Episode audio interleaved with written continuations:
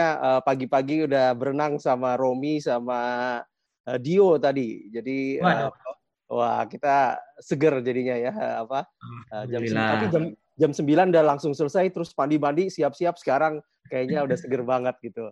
Karena siap untuk mendengarkan uh, Pak Eko nanti bicara mengenai cerdas mengatur keuangan usaha kecil. Tapi Pak Eko ini kan nggak hanya usaha kecil ya, jadi kita bicara nanti bisa usaha menengah, uh, kemudian juga uh, usaha besar gitu ya. Pada dasarnya mengatur keuangan pribadi ke apa perusahaan kan uh, apa ada kisi-kisi yang mungkin kita bisa bahas gitu. Saya mungkin nanti juga boleh sharing juga gitu Pak Eko, tapi expertnya ini Pak Eko nih. Jadi uh, kalau masalah keuangan guru saya adalah Pak Eko. Jadinya uh, nanti kita dengarkan uh, Pak Eko, tapi uh, izinkan saya untuk uh, share dulu uh, mengenai uh, Orbitin yang merupakan uh, pengembangan dari uh, apa yang sedang kita lakukan saat ini. Tadi uh, apa mungkin yang lain sudah uh, yang di awal tadi udah hadir ini sudah uh, apa uh, mendengar tentang Rise to the Challenge tapi uh, mungkin banyak juga yang belum tahu bagi yang udah tahu uh, mohon maaf ini sedikit pengulangan tapi mudah-mudahan uh, apa uh, nanti uh, tidak terlalu lama gitu. Jadi nanti langsung masuk ke poinnya. Jadi hari ini kita akan bicara mengenai cerdas mengatur keuangan uh, usaha kecil. Dan uh, memang uh, Zoominar ini diadakan setiap hari Sabtu uh, untuk dua hal. Pertama untuk self management, jadi uh, banyak hal yang kita ingin pelajari dari uh, sisi uh, pengelolaan diri, tapi juga uh, kita harapkan juga bisa uh, lihat dari sisi business managementnya, pengelolaan uh, bisnisnya, sehingga apa pun mimpi kita ya kita bisa capainya dengan efektif dan efisien. Jadi nanti uh, saya tidak akan terlalu panjang lebar, saya akan jelaskan sedikit tentang Orbitin kemudian platform kita, baru kita langsung bicara uh, apa uh, tentang uh, bagaimana secara cerdas mengatur keuangan usaha kecil dari Pak Eko Pratomo. Nah, sedikit tentang kami. Jadi apa saya sekarang ini adalah CEO Orbitin uh, atau kalau uh, kalau PT-nya PT Orbitin Kebanggaan Indonesia. Uh, sebelumnya uh, saya kenal Pak Eko waktu saya masih jadi uh, Executive Director atau ketua sekolah tinggi atau rektor dari IPMI Business School di mana Pak Eko uh, apa uh, mendapatkan S2-nya dari sana. Uh, saya juga sebelumnya juga uh, apa uh, advisor Menteri Desa dan tapi uh, sebetulnya memang uh, apa passion saya itu di bisnis lah uh, dan membantu usaha lain itu passion saya dari uh, 20 tahun yang lalu kira-kira. Nah, uh, Orbitin ini sendiri uh, apa timbul idenya karena Eh, kita melihat bahwa selama 17 tahun terakhir eh, kami membangun eh, grup PFI Group yang sekarang dibawahi oleh JK Corp atau JK Group ini apa kita ingin menjangkau lebih banyak perusahaan. Selama 17 tahun kita membantu ratusan perusahaan untuk bisa mereka meningkatkan kemampuan usahanya sehingga profitabilitasnya meningkat, uh, sustainability-nya bisa dijaga dan pada akhirnya mereka uh, apa uh, bisa uh, memberikan pekerjaan kepada lebih banyak orang dan seterusnya. Nah, uh, Tempo Media Group itu merupakan salah satu daripada klien kita dari ratusan klien tadi dan mereka alhamdulillah uh, apa uh, berhasil menerapkan banyak hal uh, bersama-sama kita yang mengakibatkan mereka uh, bisa uh, apa uh, menyelamatkan dan juga bisa menghemat uh, apa uh, jumlah yang signifikan. Uh, dan uh, mereka uh, happy. Kemudian kita tetap in touch. Uh, tahun lalu kita bicara-bicara sama mereka dan timbullah ide uh, membuat satu digital platform. Kenapa digital platform? Karena dengan bisnis model yang lama kita hanya bisa menjangkau uh, tadi uh, 17 tahun aja baru ratusan gitu ya. Nah, kita sebenarnya ingin menjangkau jutaan uh, UMKM uh, yang hanya bisa dijangkau kalau misalnya kita bisa menggunakan teknologi karena kalau misalnya menggunakan uh, cara lama bisnis model yang lama itu satu mahal tentunya bagi UMKM untuk bisa menerapkan tapi di sisi lain juga uh, apa uh, untuk bisa menjangkau sekian juta itu dibutuhkan waktu yang luar biasa dan effort yang luar biasa. Makanya kita bikin Orbitin bersama-sama. Kalau Tempo memang udah udah mereka udah jago di digital, mereka ada uh, apa tempo.co, ada uh, Tempo Game and Animation, ada Travel Channel, ada Cantika.com, ada Rombak Media dan seterusnya. Banyak pengembangan mereka dan valuasinya juga sudah cukup besar, uh, sudah banyak investor yang menanamkan modal di Tempo.co uh, di grup mereka ini.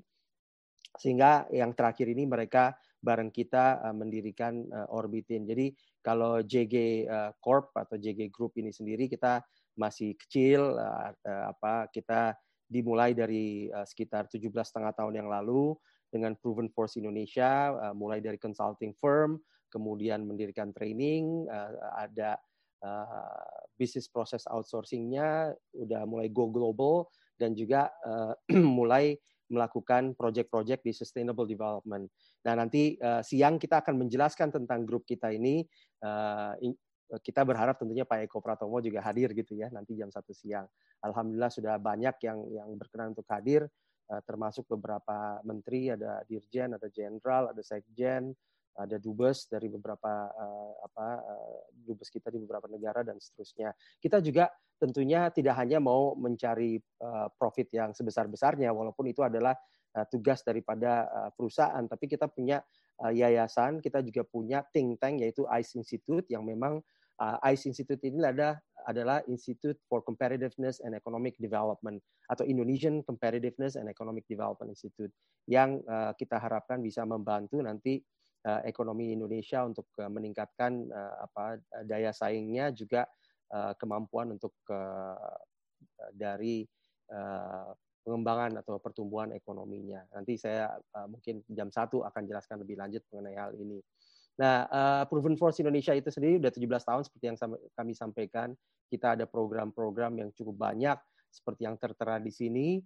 Kemudian kita juga sudah menangani banyak clients, tapi kembali lagi clients-clientsnya lebih banyak adalah klien-klien yang uh, apa multinasional, yang nasional besar, sehingga jangkauan kita untuk ke UMKM tuh sangat terbatas. Makanya kita dirikan Orbitin ya, yang merupakan digital platform uh, yang bisa mengakselerasi uh, perusahaan bertindak sebagai inkubator, sebagai accelerator, dan juga sebagai marketplace untuk service-service yang kita anggap bisa nantinya membantu meningkatkan uh, apa, uh, kemampuan daripada perusahaan, termasuk kemampuan mengelola HR, mengelola keuangan, ya termasuk Halovina ini adalah partner kita, kemudian kemampuan untuk mengelola uh, marketing, Eh, kegiatannya dan seterusnya.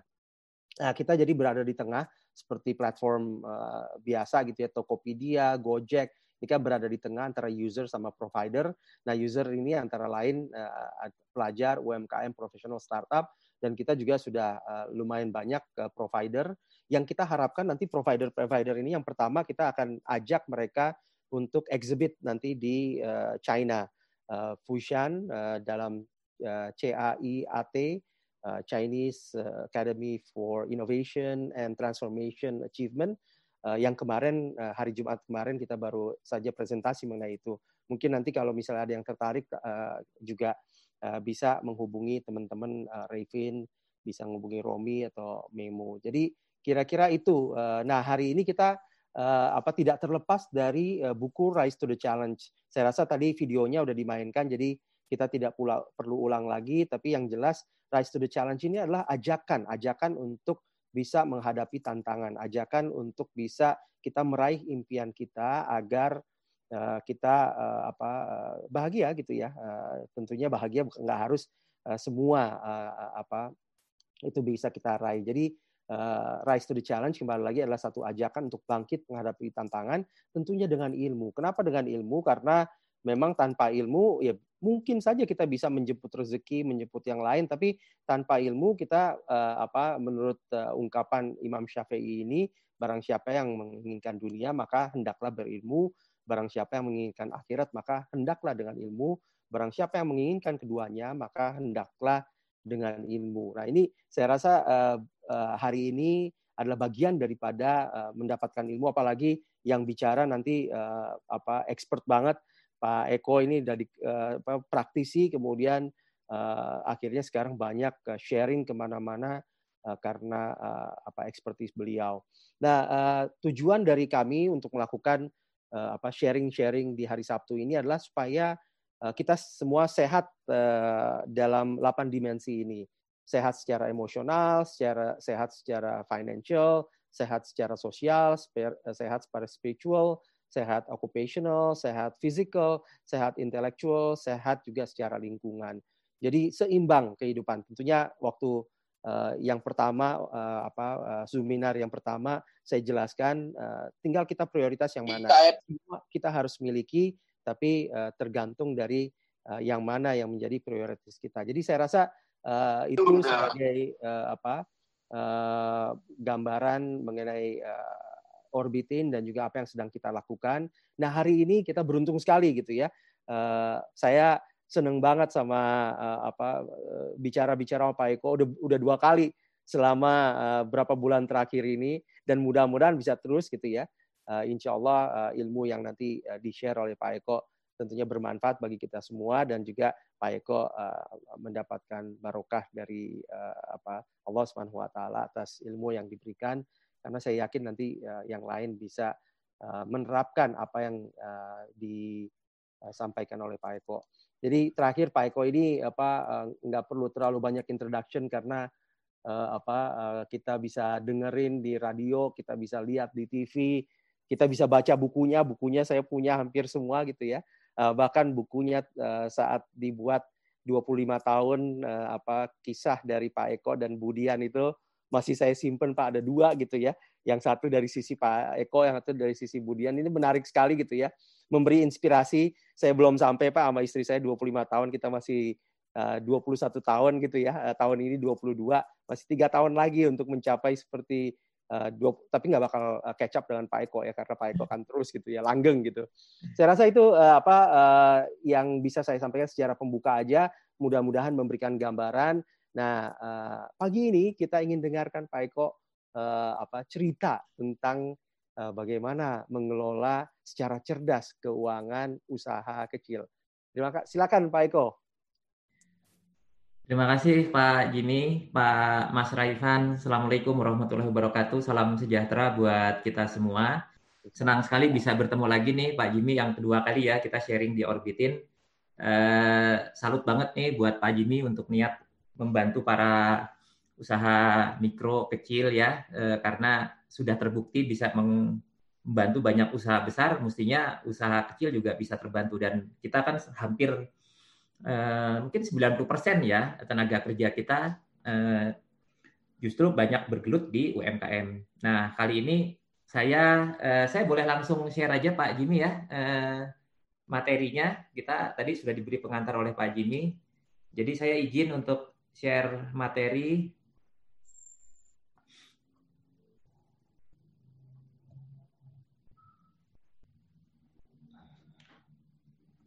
Ya, jadi mungkin sedikit eh, perkenalan juga buat teman-teman sahabat Orbitin. Saya sendiri eh, banyak berusaha untuk melakukan edukasi khususnya di finansial.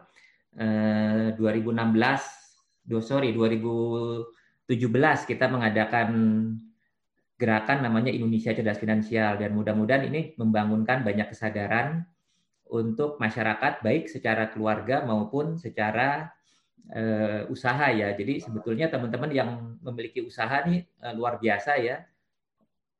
Dan tantangannya sebetulnya menjadi dua ya, bagaimana kita cerdas mengelola keuangan di keluarga maupun di usaha. Nah, uh, pagi pagi hari ini kita coba akan membahas dari sisi yang bagaimana kita cerdas juga mengelola keuangan di usaha kita. Jadi saya mencoba memulai dengan kayaknya kok nggak enak ya, belum apa-apa udah bicara mengenai gagal bisnis gitu ya. Tapi nggak apa-apa ya, karena dalam kehidupan ini kan kita harus aware nih dua-duanya ya. Eh, kita prepare for uh, hope for the best dan prepare for the worst. Nah kalau kita bicara keuangan itu kenapa dimulai dengan slide gagal bisnis karena ternyata salah keuangan dalam melakukan usaha itu merupakan salah satu dari empat penyebab kegagalan di bisnis. Jadi ini mudah-mudahan memberikan awareness, memberikan kesadaran bahwa oh ternyata masalah keuangan merupakan hal yang paling penting ya. Jadi ternyata selain gagal karena mengelola keuangan, ada juga nih yang misalnya salah niat gitu. Ya, jadi niat ini kan perlu ya paling pertama yang harus kita luruskan ya. Jadi luruskan niat, sempurnakan ikhtiar. Jadi niat yang harus di awal. Kemudian ada kurang fokus ya. Biasanya ada pekerjaan lain yang disambi. Kemudian mungkin eh, tidak pernah melakukan riset. Ya tadi Pak Jimmy setuju banget itu segala sesuatu itu ada il ilmunya. Kemudian yang ketiga itu kurang gigih ya. Biasanya karena yang dikerjakan itu bukan passionnya atau ini terserang malas ya, malas belajar. Dan nah, yang akan kita bahas hari ini adalah tentang pengelolaan keuangan. Nah, mungkin saya tidak langsung bicara mengenai teknis ya, tapi mungkin saya akan bicara tentang yang sangat mendasar. Ya, saya selalu kalau mau mempelajari apa-apa itu selalu kita memulai dengan 5W 1H. Ya, jadi pertanyaan-pertanyaan yang mendasar 5W itu ada what, why, when, who, where, dan how. Jadi yang pertama, kalau kita bicara tentang masalah keuangan, ya, yang berkaitan dengan usaha, maka kita mesti paham apa aja sih aspek-aspek yang harus kita eh, ketahui yang disebut sebagai persoalan keuangan di dalam usaha. Jadi kita akan bicara tentang what. Yang kedua kita bicara ini sebenarnya yang paling penting nih why. Mengapa keuangan itu penting gitu ya? Karena ini yang paling sering diabaikan. Banyak pengusaha yang di awal-awal itu lebih berkonsentrasi kepada bagaimana menjual dan bagaimana eh, operasionalnya. Jadi memproduksinya, kemudian yang penting adalah ada produk atau ada jasa dan itu bisa dijual. Nah, keuangan itu sering menjadi hal yang paling sering dilupakan gitu. Nah, kenapa itu penting nanti kita akan bahas. Yang ketiga, eh, pertanyaan when, kapan harus mulai ya. Kemudian siapa yang harus mengelola, kemudian di mana sih apakah kita bisa mengelola secara sendiri atau bisa nggak sih kalau kita pengelolaan keuangan ini diserahkan kepada orang lain misalnya. Dan yang terakhir adalah tips bagaimana mengelola keuangan yang baik. Ya, jadi itu agendanya. Nah, pertama nih kita melihat what-nya dulu nih. Apa sih aspek keuangan usaha? Jadi biasanya kalau kita bicara tentang usaha, maka saya sangat menyarankan eh, teman-teman semua itu memiliki perencanaan. Ya, nah di situ ketika kita bicara perencanaan, maka selain kita bicara tentang strategi bisnis, produk atau jasa yang ingin kita jual, ya bagaimana memproduksinya, bagaimana eh, marketingnya, tapi paling penting juga sebelum memulai segalanya perlu kita memiliki perencanaan ya. Jadi kita akan berkaitan dengan perencanaan itu tidak akan terlepas dari yang namanya anggaran biaya karena segala sesuatu pasti membutuhkan biaya. Jadi aspek pertama ketika kita bicara tentang keuangan usaha, kita bicara tentang perencanaan. Yang kedua adalah keuangan itu biasanya akan dimulai dengan kebutuhan pendanaan ya. Jadi kita berapa besar dana yang harus kita siapkan dan sumbernya dari mana? Apakah modal sendiri atau modal teman atau pinjaman ya. Itu dari perencanaan itu akan memunculkan kebutuhan pendanaan. Yang ketiga, aspek keuangan itu sebetulnya akan sangat erat untuk kita mengukur kinerja usaha jadi yang paling gampang untuk melihat apakah usaha kita untung atau tidak, berkembang atau tidak, ya itu kalau tidak memiliki catatan-catatan keuangan, ya kita tidak bisa menilai kinerja usaha kita. Nah, yang terakhir memang ini merupakan tools ya. Jadi cara mengelola keuangan itu paling tidak eh, teman-teman semua harus belajar tentang bagaimana melakukan monitoring yang kita sebut kita harus memiliki catatan. Paling tidak ada tiga catatan keuangan yang kita harus miliki ya. Dan ini jangan dibayangkan eh, suatu sesuatu yang rumit ya. Tapi ini bisa sangat sederhana ya. Dan kita sebetulnya bisa memiliki tiga buku ya. Mungkin bisa dikelola sendiri pun sangat mungkin. Yang lainnya adalah kita sekarang sudah banyak aplikasi Ya, jadi catatan keuangan ini paling tidak ada catatan uang masuk dan keluar yang kita sering sebut sebagai buku kas atau rekening. Ya, rekening tabungan itu bisa sekaligus menjadi catatan keluar masuk uang. Kemudian ada catatan penjualan dan biaya-biaya. Dan yang ketiga, kita perlu juga memiliki catatan aset dan kewajiban. Jadi kewajiban ini biasanya kita sebut sebagai utang ya.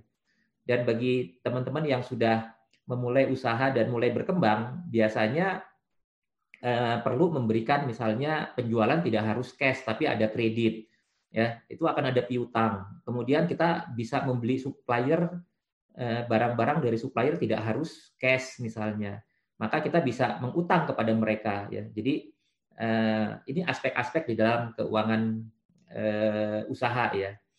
Nah, yang kedua kita bicara why. Kenapa ini penting? Nah, bayangkan teman-teman laporan keuangan ya, catatan keuangan yang tadi disebutkan yang menjadi apa? menjadi inti dari pengelolaan keuangan. Kita menggambarkan catatan keuangan itu seperti dashboard di mobil. Ya. Jadi bayangkan kalau kita harus melakukan perjalanan jauh dengan mobil yang kita tidak tahu nih bensinnya ada atau tidak, eh, listrik akinya itu cukup atau tidak ya kita tidak bisa mengukur kecepatan kita tidak tahu temperatur mobil itu jadi bisa sangat membahayakan sebetulnya jadi analoginya laporan keuangan atau catatan keuangan yang tadi saya sebutkan itu mirip dengan fungsi dashboard di dalam mobil. Nah, kenapa itu penting? Ya, karena kita harus mengetahui kondisi kesehatan usaha. Ya. Jadi jangan sampai sebetulnya kita tidak memiliki dana yang cukup, tapi kita berani menerima pesanan yang kemudian nanti gagal untuk dideliver misalnya. Ya, jadi kita harus tahu kemampuan kita seperti apa. Jadi eh, nomor satu itu kita harus tahu kondisi kesehatan usaha itu dari kondisi keuangannya. Yang kedua adalah ketika kita sudah melakukan perencanaan, maka realisasinya pun itu harus dicatat ya sehingga kita bisa memonitor perjalanannya sudah berapa persen ini? Ya misalnya eh, sudah berjalan tiga bulan atau sudah berjalan enam bulan. Mestinya kan kalau rencana satu tahun kita bisa memperkirakan dari catatan-catatan laporan keuangan kita oh pencapaiannya sudah eh, 25 persen. Kalau sudah setengah tahun mestinya sudah 50 persen ya. Jadi kita bisa memonitor realisasi apakah sesuai dengan rencana kerja dan anggaran yang memang sudah ditetapkan di awal. Nah, sehingga kita bisa melakukan evaluasi karena biasanya belum tentu realisasi itu selalu eh, terpenuhi sesuai dengan rencana ya. Dan pada akhirnya eh, catatan-catatan keuangan itu pengelolaan keuangan akan memastikan apakah kita sampai enggak di tujuan. Ya. Jadi itu yang eh, kenapa kita penting. Ya. Kemudian when kapan seharusnya. Ya. Nah, sebaiknya kalau kita memulai usaha bahkan sebelum kita melakukan aksi ya, melakukan ikhtiar-ikhtiar eh, keuangan itu bicara tentang perencanaan di awal. Ya. Jadi seharusnya perencanaan maupun pengelolaan itu sudah dilakukan sebelum kita memulai usaha. Nah, kalau teman-teman bilang, "Aduh, saya dulu belum pernah nih bikin eh, catatan-catatan keuangan, belum pernah bikin perencanaan." Nggak ada masalah. Yang penting kita sekarang sudah menyadari, ya lakukan sekarang. Ya. Jadi tidak ada kata terlambat. Ya. Kemudian siapa yang harus mengelola? Ini sangat tergantung dengan skala bisnis, skala usaha. Ya, kalau kita memulai dengan usaha kecil di rumah misalnya, yang mengerjakan kita semua, nggak apa-apa. Dari A sampai Z kita sendiri yang mengerjakan, karena skalanya memang masih kecil. Nah, tetapi memang kalau kita sebagai pemilik usaha, paling tidak kita mau tidak mau harus merangkap juga sebagai pengelola keuangan ya. Kalau di perusahaan besar namanya chief financial officer ya. Tapi kalau kita ya kita harus eh, paham tentang bagaimana pengelolaan keuangan untuk usaha yang sangat kecil tetapi kita tidak mengabaikan masalah keuangan. Nah, jadi kalau skalanya mulai besar ya paling tidak kita bisa dibantu oleh satu orang yang memahami tentang prinsip dasar keuangan yang umumnya kalau saya lihat biasanya pemilik usaha itu yang memulai merintis itu biasanya jagoannya nanti adalah di produk ya membuat produknya kemudian menjual. Nah kalau memang seperti itu ya kita bisa minta saudara atau anak atau tetangga siapa pun ya untuk yang paham tentang keuangan bisa membantu kita. Jadi seharusnya memang ada seseorang yang eh, secara khusus menangani keuangan Nah, ini eh, ternyata kita tidak harus ya untuk melakukan pengelolaan keuangan secara eh, sendiri atau secara internal. Ya, sekarang sudah banyak pihak-pihak yang memiliki eh, menawarkan jasa untuk eh, usaha kecil gitu ya. Eh, dilakukan secara outsourcing ya. Jadi kita bisa memanfaatkan eh, mereka dengan bayaran yang sangat rendah misalnya mereka menyediakan aplikasi atau bahkan kita menggunakan aplikasi ya, yang eh, kita bisa manfaatkan dengan zaman yang sekarang serba digital ini ya. Nah, kemudian eh, bagaimana? Nah, ini mungkin yang terakhir yang bisa saya sampaikan sebelum nanti kita banyak diskusi. Jadi saya melihat paling tidak, paling tidak itu kita perlu memiliki tujuh kecerdasan dalam mengatur keuangan usaha. Nah, saya sering menggunakan istilah kecerdasan itu dengan kesadaran. Kenapa kesadaran? Ya, karena kadang-kadang kalau cuman kita tahu ilmunya, itu kita belum sampai kepada eh, motivasi untuk berubah. Saya selalu melihat orang yang dikasih tahu atau orang yang mendapatkan ilmu, ya, tapi kalau hanya sampai di tatanan keilmuan ya saya melihatnya ilmu itu nempelnya di otak gitu ya. Nah masih ada satu proses di mana ilmu itu harus diproses sehingga menjadikan keyakinan ya. Dan keyakinan itu kalau secara spiritual itu adanya di hati gitu ya. Nah jadi masih ada proses bagaimana menanamkan suatu ilmu menjadi kecerdasan yang notabene saya ingin menekankan harus menjadi kesadaran. Apa aja nih ada tujuh. Yang pertama adalah uh, miliki niat, tujuan, dan target yang baik. Ya. Jadi ini kaitannya dengan perencanaan. Ya. Biasanya uh, bisnis itu kalau saya melihat sebetulnya niat awalnya adalah tidak harus langsung bicara tentang profit ya, tapi kita bicara tentang bagaimana memberikan solusi uh, dan apa namanya jalan keluar kepada problem-problem yang dihadapi masyarakat sebagai target pasar. Ya, jadi kalau kita niatnya adalah menyediakan solusi, ya biasanya kalau solusinya itu memang e, dibutuhkan dan dibeli oleh masyarakat sebagai pembeli, maka kalau usahanya dikelola dengan baik itu pasti akan jalan. Ya, jadi e, profit itu nanti bisa datang dengan sendirinya, tidak tidak harus menjadi tujuan. Ya, seperti Orbitin ini e, saya rasa niatnya yang pertama adalah ingin menolong ya, menolong banyak UMKM. Nah, saya rasa dengan niat itulah sebetulnya eh, nanti bagaimana kita melakukan ikhtiar motivasinya perjuangannya itu sangat ditentukan oleh niat. Ya karena kalau ujuk-ujuk kita pengen profit ya kemudian dalam setahun tidak ada profit berhenti itu nanti usahanya. Karena niatnya hanya cuma dapat profit dan ternyata tidak dapat profit dalam setahun misalnya.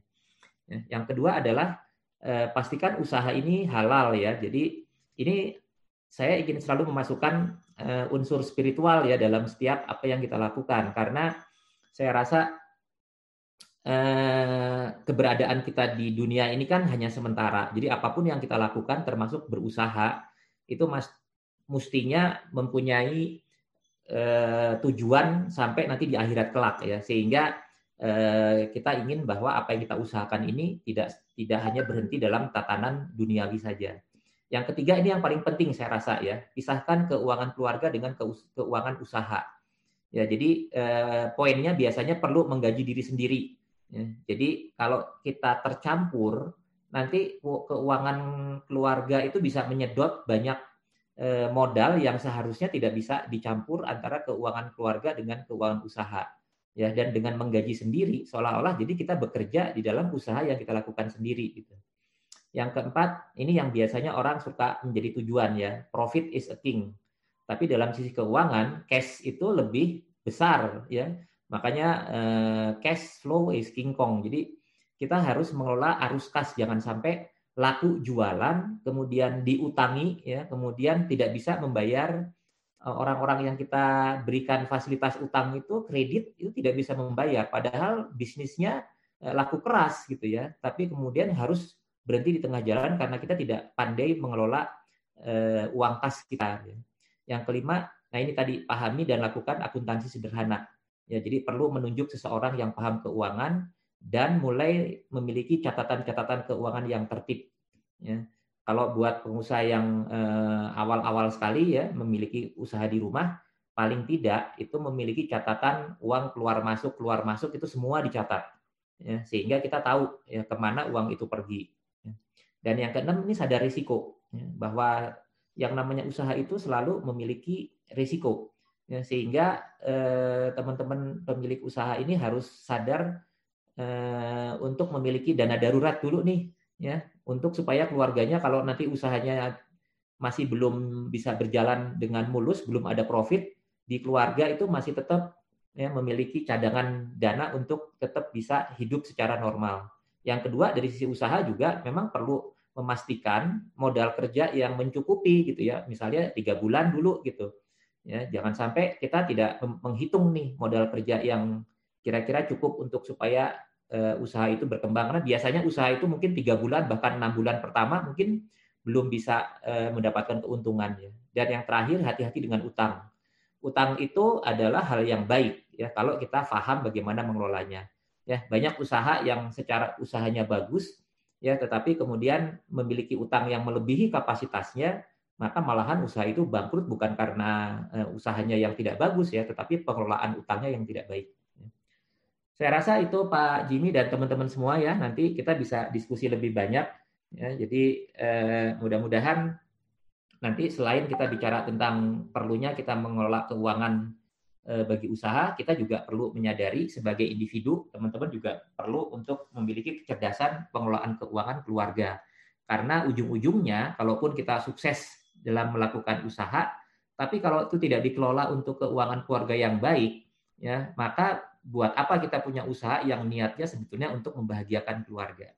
Begitu Pak Jimmy, mudah-mudahan mudah untuk dipahami dan kita bisa menjadi bahan diskusi selanjutnya.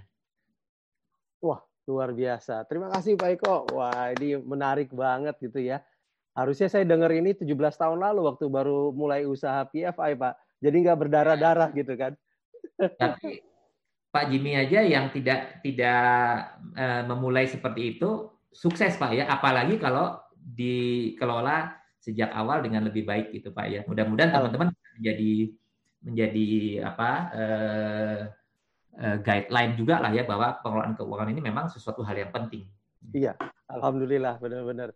Saya sampai berdarah-darah ingat Pak. Jadi setelah beberapa tahun jalan kan perusahaan makin besar makin besar. Saya sendiri tadinya kan nambah orang, nambah orang, nambah orang, karyawan banyak gitu.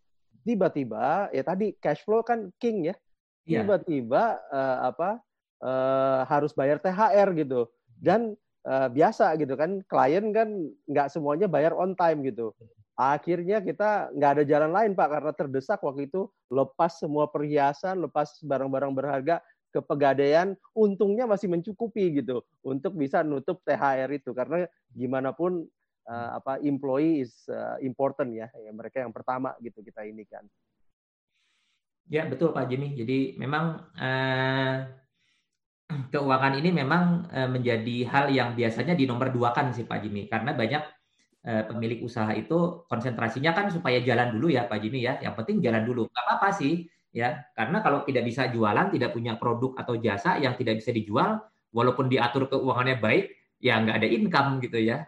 Memang benar bahwa di awal-awal eh, kita bisa lebih fokus untuk uh, bagaimana memiliki produk atau jasa, bagaimana menjualnya, bagaimana mengelola operasionalnya, ya. Tapi sebaiknya kalau menurut saya sejak awal pun sudah ada seseorang yang diamanahi untuk mengelola keuangan, ya. Nanti jadi bisa lebih lebih aman perjalanannya sebetulnya.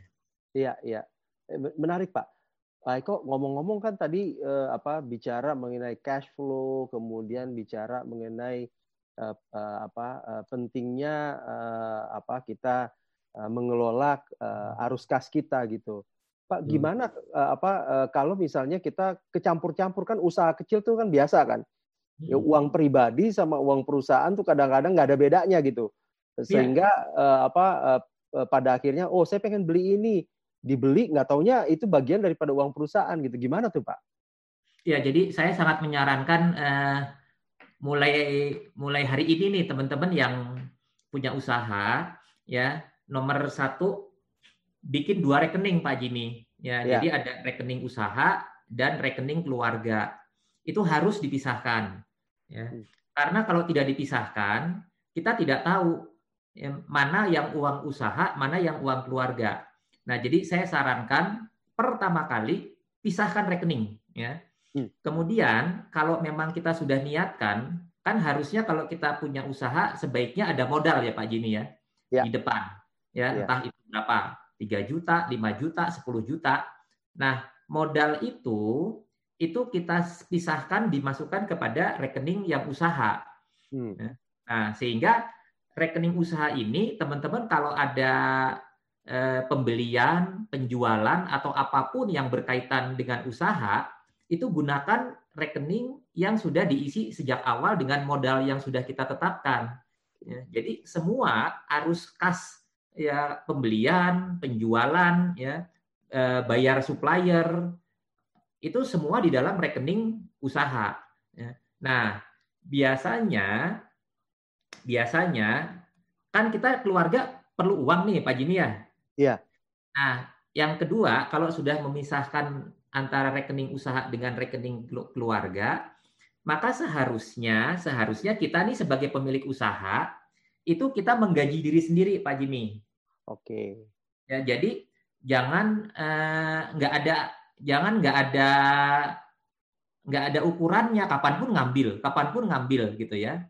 Nah jadi kalau kita punya dua rekening jadi seolah-olah kita menjadi karyawan ini walaupun kita pemilik usaha.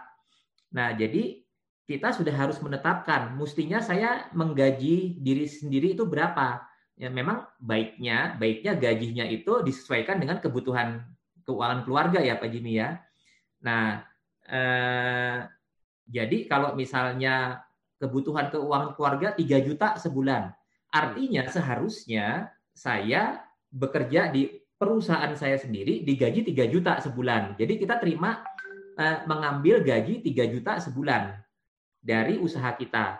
Sehingga gaji kita itu merupakan biaya dari usaha kita. Ya. ya. Eh, kebanyakan kan eh, pengelola usaha itu mengambil dari keuntungan gitu ya Pak Jimmy ya. Betul. Nah, saya akan mengambil gaji untuk kebutuhan keluarga itu. Jadi kalau nanti eh, setiap bulan ngambil gaji, maka yang misalnya 3 juta itu dipindahkan ke rekening keluarga sehingga menjadi income keluarga untuk diatur gitu. Nah, itu menurut saya prinsip yang paling pertama untuk menghindari eh, tercampurnya antara antara keuangan usaha dengan keuangan keluarga. Itu dulu yang paling penting kalau menurut saya Pak Jimmy. Jadi basic itu Pak ya. Jadi kita jangan sampai punya satu rekening terus semuanya campur gitu. Uang pribadi di situ, untuk Betul. keluarga di situ, untuk usaha di situ gitu.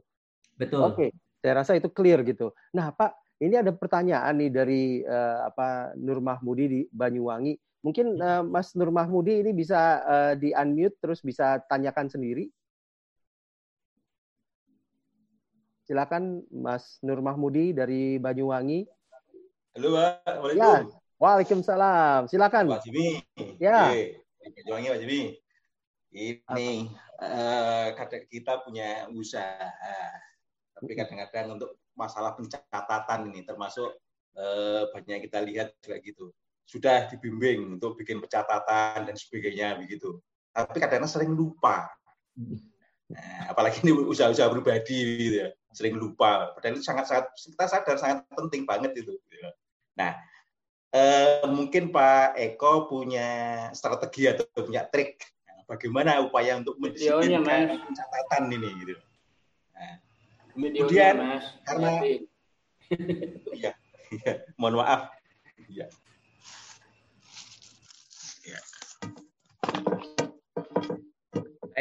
Tadi agak, nah. agak masalahnya. Ya, okay. Monggo silakan Pak Nur. Ya, nah. jadi itu tadi masalah kedisiplinan.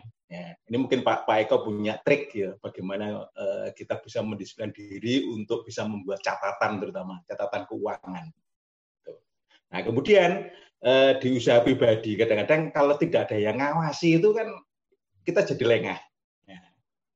Itu bagaimana uh, apa namanya sistem pengawasan terhadap apa keuangan diri sendiri terutama usaha? Ya. Nah, mungkin mungkin ada ada ada strategi atau ada ada solusi yang ya yang lah gitu loh. Karena ini sangat penting gitu. Kita sadar sering sering ikut pelatihan lihat apa itu oh, catatan penting catatan penting. Tapi gitu dalam implementasinya kadang-kadang kita ya itu tadi lah sering sering apa namanya mengabaikan dan sebagainya. Itu aja Pak Eko. Terima kasih Pak Eko. Ya. Monggo menarik uh, nih menjawab ini tadi saya lihat ada Pak Budi Pranata ya Pak Pak Budi Oh ada ada iya Pak Budi ya. ada tuh. Selamat datang Pak Budi Pranata. Wah ini nanti Pak Jimmy harus mengundang Pak Budi nih. Jelas ya. lebih afdol sebetulnya nanti ya untuk bicara. Pak Budi, apa kabar Pak Budi?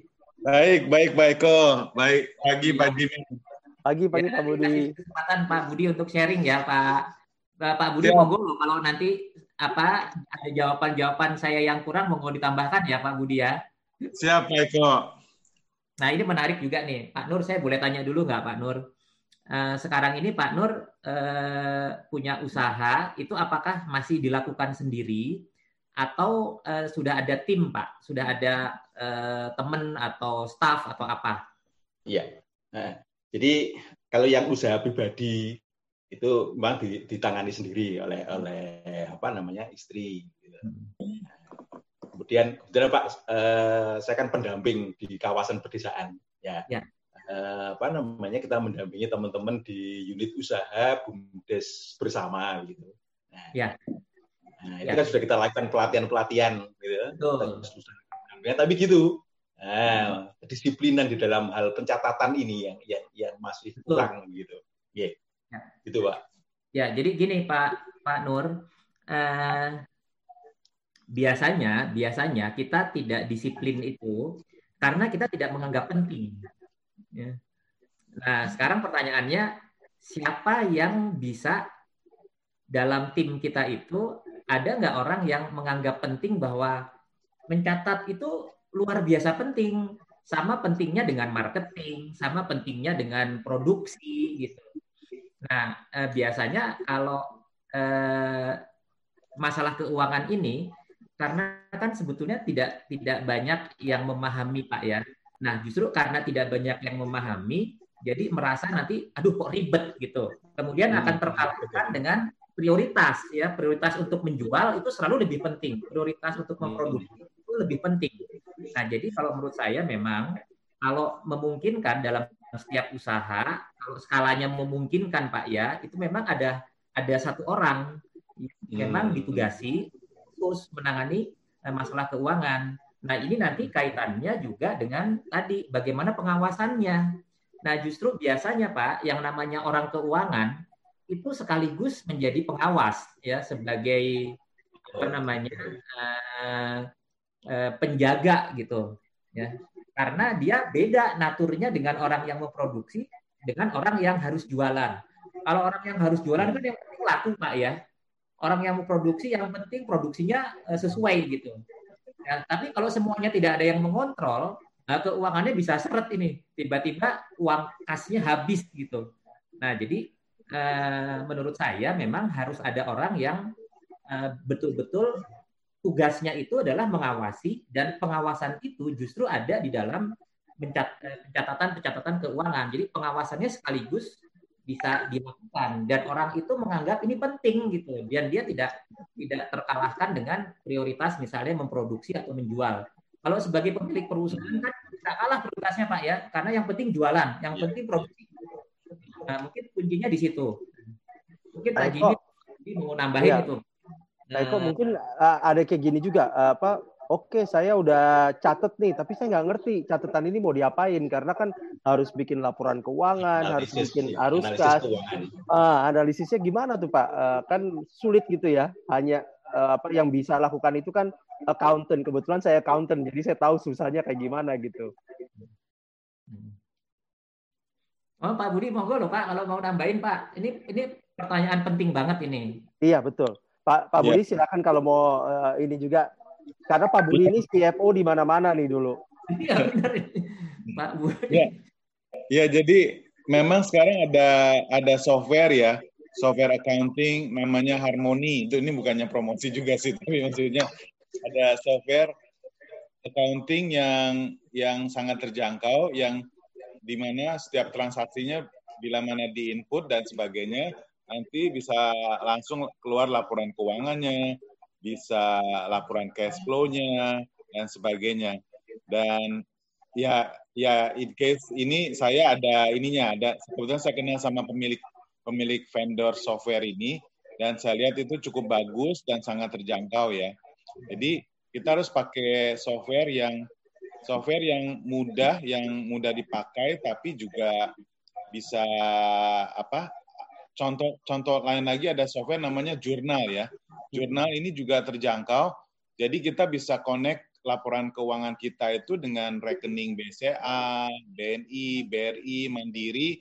Jadi begitu rekening kita ada uang masuk di di apa pembukuan kita juga langsung nampak itu wah ini ada uang masuk ini ada biaya bank charges dan sebagainya sehingga bisa membantu pembukuan kita secara otomatis otomatis. Malah kalau di Singapura sekarang sudah ada artificial intelligence untuk accounting entries. Jadi dia udah bisa tahu tuh. Jadi udah bisa tahu oh kalau misalnya kita malah ada satu lagi satu software namanya aplikasi ya namanya Joyonomics. Joyonomics itu begitu kita scan begitu kita scan, oh ini biaya entertainment ya, biaya kita scan uh, bondnya.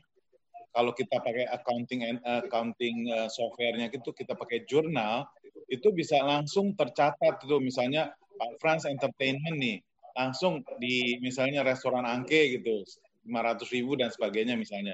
Itu bisa langsung terbooking. Jadi biaya entertainment Pak Frans di restoran Angke 500 ribu jadi sekarang ada teknologi yang bisa membuat kita lebih mudah dalam hal pencatatan dan terutama ini menginterface antara uh, bank bank uh, bank account kita ini pakai aplikasi yang namanya Journal ya aplikasi atau accounting software namanya Journal sehingga bisa dikonek dengan empat bank empat bank besar seperti BNI, BRI, Mandiri, ya Nah, sehingga setiap ada bank charges di situ akan langsung muncul. Setiap ada uang di situ bisa langsung muncul. Jadi bank rekonsiliasinya itu lebih mudah.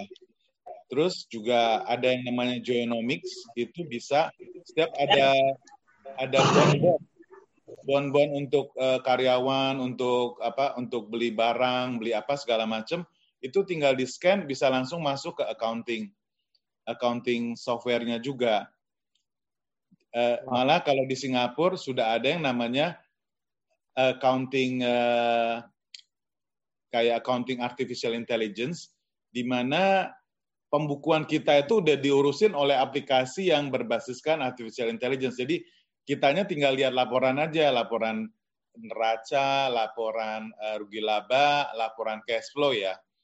Jadi ya. ya ini jadi paling nggak kita harus aware. Oh ternyata sudah ada ada automation dalam hal accounting entries melalui beberapa aplikasi ya. Lalu juga dalam membuat bisnis sebaiknya sebelum kita memulai kita sudah harus merencanakan kira-kira bisnis ini butuh modal berapa besar sih untuk peralatan, untuk biaya-biaya, untuk karyawan, untuk satu tahun ke depan.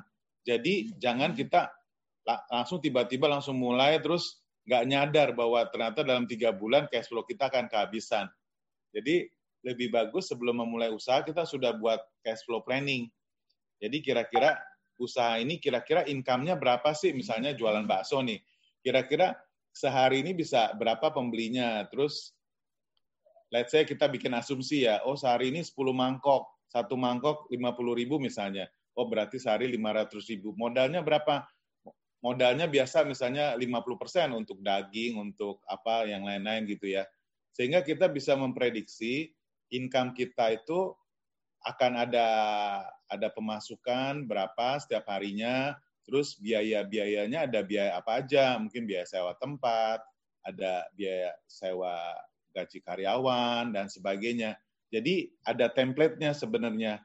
Ada template-nya yang bisa kita buat apa potensi revenue-nya, apa biaya-biayanya, lalu kita kita bikin perkiraan kira-kira gaji karyawan berapa sih, misalnya 2 juta, bayar sewa tempat berapa sih sebulan, misalnya 500 ribu. Nah, jualan bakso berapa sih? 10 mangkok kali 50 ribu misalnya, 500 ribu kali 30 hari, oh 15 juta. Jadi dari situ kita udah bisa tahu tuh kira-kira ini cash flow-nya kalau kita modalnya let's say 50 juta, habisnya kapan atau kita modalnya cuma 10 juta, uang kita nih cukup sampai bulan ke berapa gitu. Seperti Wah. itu masukan dari saya. Wah, luar ya. biasa Pak Budi. Ini langsung kita pagi-pagi udah dicerahkan langsung uh, eh, MBA kelas ya Pak. Ingat ya apa Pak Eko. Jadi Terima kasih Pak Budi. Terima kasih, terima kasih Pak Budi. Jadi uh, Mas Nur Mahmudi di Banyuwangi tadi ya memang uh, apa kita seperti yang Pak Eko tadi sampaikan kita disiplin itu memang kalau misalnya kita anggap penting gitu.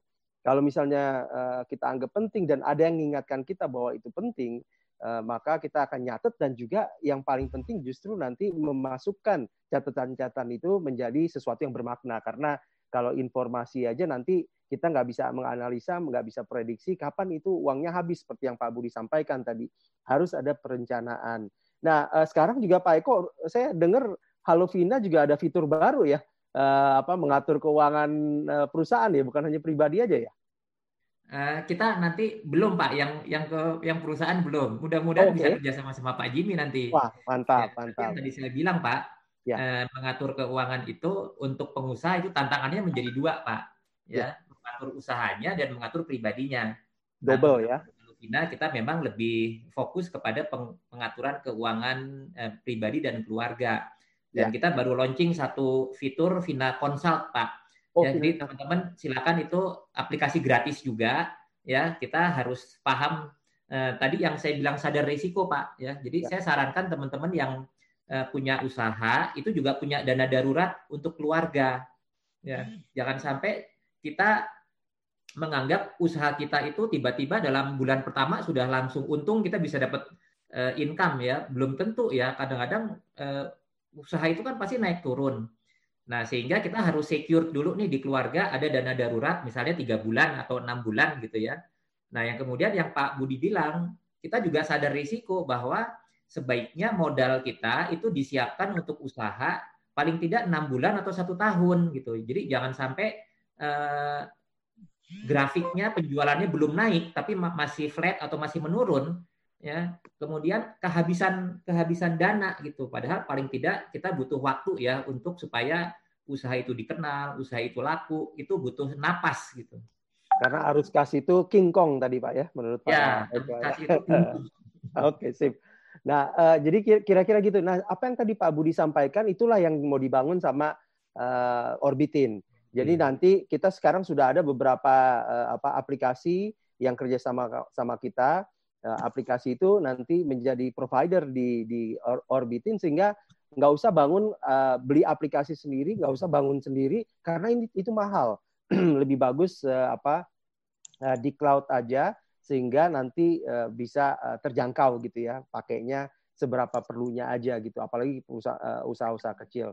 Cukup ya Pak Nur Mahmudi ya. Terima kasih pertanyaannya. Saya lihat ini ada Pak Kenny ya, Pak Kenny Danu nih angkat tangan apa mau angkat mau nanya ini? Silakan Pak Kenny. Kalau mau nanya Pak, tapi saya ya. ibu. Oh, sorry Bu, maaf. Oke, okay. ah baru kelihatan. Halo, salam kenal Pak Eko, Pak Jimmy. Ah, uh, Iya, saya saya kebetulan baru mulai usaha. Dulunya pernah jualan tapi karena iseng dan hobi uh, kuliner. Uh, semenjak pandemi ini karena uh, pekerjaan udah tidak ada pemasukan, kita coba jualan lagi. Saya bisnisnya kuliner. Kalau diceritain tadi mengenai pengaturan pencatatan dan lain-lain, tuh saya sudah melakukan pencatatan sebenarnya. Cuman uh, ada beberapa kayaknya yang saya mau tanyain. Cita-citanya saya kan saya juga pengen punya restoran sebenarnya kan. Nah, pencatatan sudah saya lakukan, tapi pem, pemisahan rekening belum saya lakukan. Artinya karena uh, belum ada pemasukan lagi, jadi uh, uang itu jadi uang uh, keluarga juga gitu kan. Yang saya butuh, akhirnya saya tahu harus dipisahin kan. Jadi kalau saya ada uang pribadi sama uang uh, bisnis. Nah, ada tips nggak sih misalnya kan gini, uh, sekarang ini karena saya pemula, yang saya sisihkan tuh yang pasti modal untuk open PO berikutnya. Nah, apakah saya harus ada beberapa pakem-pakem misalnya sekian persen untuk uh, misalnya tadi dana emergensi keluarga, terus sekian persen untuk uh, modal. Terus berikutnya, kalau untuk pencatatan, misalnya nih Pak, karena uangnya masih nyampur-nyampur, kalau misalnya pengeluarannya itu urusannya keluarga, apakah harus dicatat juga atau bagaimana? Oke, ya. menarik. Ya silakan Pak Eko langsung. Ya, Bu Kenny. Jadi eh, sudah ada kesadaran untuk memisahkan itu udah paling penting tuh Bu. Ya. Nah sekarang eh, tinggal direalisasikan bagaimana. Nah tadi seperti saran Pak Budi Bu, eh, saya rasa Ibu eh, perlu menaruh modal dulu Bu ya di di rekening yang memang untuk usaha. Ya. Nah pertanyaannya berapa sih modal yang harus dibutuhkan gitu ya? Eh, tadi Ibu bilang eh, untuk mempersiapkan PO gitu Bu ya. Jadi Ibu memproduksi makanan kan. Ya. Nah, jadi Ibu eh, sarankan saya sarankan untuk membuat perencanaan katakanlah kalau tidak bisa satu tahun enam bulan, kalau tidak bisa enam bulan tiga bulan gitu ya. Nomor satu kita akan menentukan kebutuhan eh, biaya-biaya untuk membuat makanan Bu. Jadi ibu bisa punya planning sebulan harusnya menjual berapa nih. Kemudian dari penjualan itu kan ketahuan biaya modalnya berapa. Nah, saran saya supaya perusahaannya itu jalan, ibu juga memiliki modal kerja istilahnya. Ya, modal kerja yang memang khusus untuk melayani eh, pembelian-pembelian sehingga itu sudah di dialokasikan di dalam rekening yang untuk usaha. Ya. Hmm. Nah, sehingga tidak di tidak tidak mengambil rekening dari rekening yang untuk di rumah tangga gitu. Nah, itu dulu Bu yang kalau menurut saya yang paling penting sehingga eh, kalau kita tidak menyisihkan modal awal itu akan akan bingung nanti Ibu ininya ya. Nah, kenapa ini menjadi penting? Karena Ibu juga nanti bisa tahu Bu ya, kalau penjualan penjualan maupun pengeluaran kita masih semuanya berdasarkan kas Bu ya. Jadi tidak ada yang diutangin, Ibu tidak ngutang juga gitu. Maka nanti dari modal awal itu misalnya Ibu taruh 25 juta atau 10 juta misalnya ya untuk modal selama tiga bulan misalnya. Ya, kemudian pengeluaran-pengeluaran kan mengurangi Bu ya dari 10 juta itu. Kemudian nanti ada PO, kemudian ada uang masuk. Nah, nanti dari setiap bulan kita bisa tahu saldonya bertambah nggak dari 10 juta. Artinya itu kan keuntungan hmm. Ibu Nah, jadi kita sudah bisa tahu keuntungan itu kalau kita sudah pisahkan betul semua biaya-biaya untuk usaha kita itu hanya di dalam satu rekening. Nah, supaya tidak tercampur dengan keuangan keluarga, maka Ibu perlu taruh, taruh modal kas di situ, Bu. Ya, sehingga kita bisa tahu tuh, ya jangan-jangan kita jualan-jualan-jualan, ya tahu-tahu biayanya ternyata lebih besar. Nah, kalau Ibu campur dengan Eh, rekening keluarga, kita nggak tahu nih biaya yang berkaitan untuk jual makanan itu berapa besar gitu. Mungkin itu Bu yang simple kalau menurut saya perlu sudah dilakukan segera. Ya, berarti saya kayak sekarang kayak bikin modal baru aja gitu ya Pak ya? Betul, betul. Nah modal itu dihitung Bu, kayak Pak Budi bilang. ya Ibu hitung untuk tiga bulan, kira-kira Ibu jual berapa, kebutuhan modal untuk memproduksi makanan itu berapa gitu. Oke. Terima kasih banyak Pak. Oke. Sama-sama Terima kasih Bu Kenny. Oke, berikutnya ini uh, Pak uh, ada chat dari Pak Iwan Ramadan dari Barito Kuala, Kalimantan Selatan. Pertanyaan untuk Pak Eko, sering kali pada saat kita ingin memulai buka usaha yang muncul di kepala kita, selalu kapan BOP atau mungkin BEP kali ya. Uh, bagaimana merubah pola pikir awal ini sehingga kita bisa fokus untuk mulai usaha. Karena kalau nggak takut-takut terus Pak, kapan nih BEP-nya, kapan BEP-nya? Gimana Pak? Ya, Pak ini, jadi eh, saya menulis di tujuh tujuh kecerdasan itu nomor satu adalah tadi Pak niat ya niat kemudian ada tujuan dan ada target ya niat itu eh, tadi yang saya kalau menurut saya Pak bisnis itu akan langgeng ketika kita bisa memenuhi kebutuhan nasabah memenuhi memenuhi kebutuhan masyarakat gitu ya. nah eh, karena kalau niatnya adalah tadi nyari untung kemudian melihat BEP gitu, tapi ternyata produk yang yang kita jual atau jasa yang kita jual itu sebetulnya uh, tidak memenuhi kebutuhan masyarakat. Nah, salah satu yang indikator bahwa apa yang kita jual itu uh, memenuhi memenuhi kebutuhan atau memenuhi uh, menjadi solusi dari permasalahan yang dihadapi oleh uh, customer itu biasanya ada repeat order biasanya ya jadi kalau mereka senang mereka butuh mereka membeli kembali gitu ya nah saya saya pikir itu niatnya jangan ke BEP dulu, jangan ke profit dulu gitu. Nah, tetapi tetap harus ada target, Pak. Ya. ya. Karena target itu itu akan memotivasi kita. Nah, untuk bisa ada target harus balik lagi bikin perencanaan dulu gitu. Ya. Dan saya pikir saya pikir eh, apa namanya kalau kita kalau kita bikin perencanaan itu akan memudahkan kita untuk mengetahui apa saja yang harus kita lakukan. Ya, jadi kita tidak terkonsentrasi kepada eh, kapan BEP-nya, kapan untungnya, tetapi perencanaan itu kalau menurut saya lebih penting karena kita tahu ikhtiar apa yang harus kita lakukan. Ya.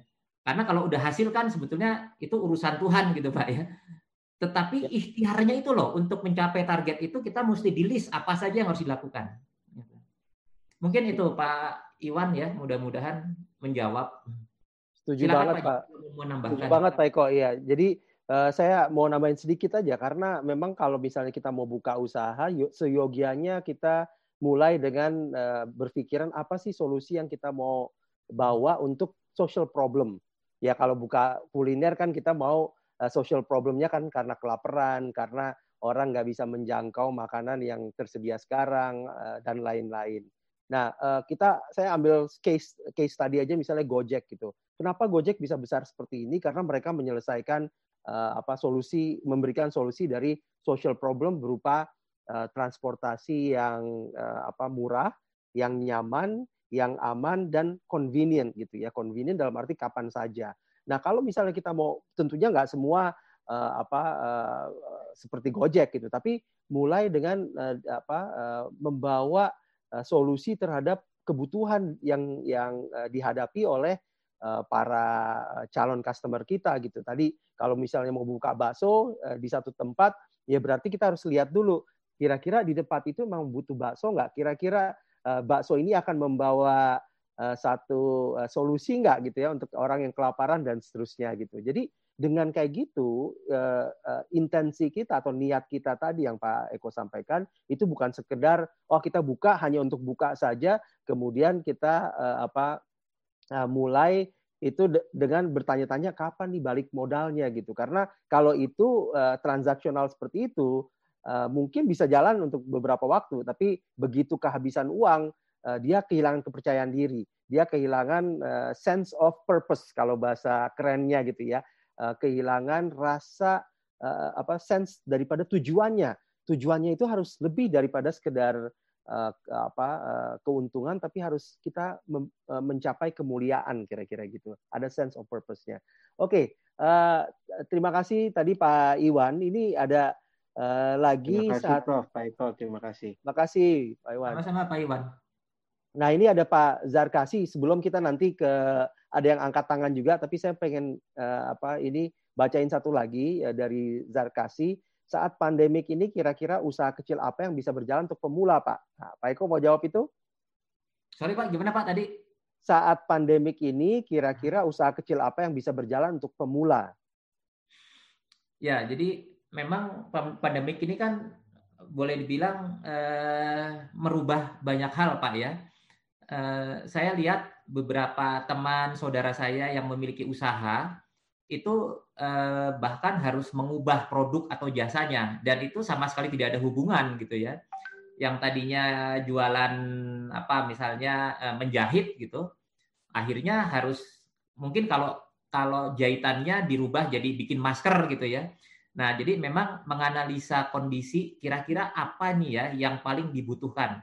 Saya melihatnya kan paling tidak kuliner gitu pak ya tapi kuliner juga mesti uh, kalau kuliner yang uh, harganya agak tinggi, mungkin sekarang orang banyak yang mengurangi gitu ya. Tapi kalau kulin kulinernya itu misalnya uh, bisa membuat orang lebih murah beli daripada masak sendiri gitu misalnya, ya.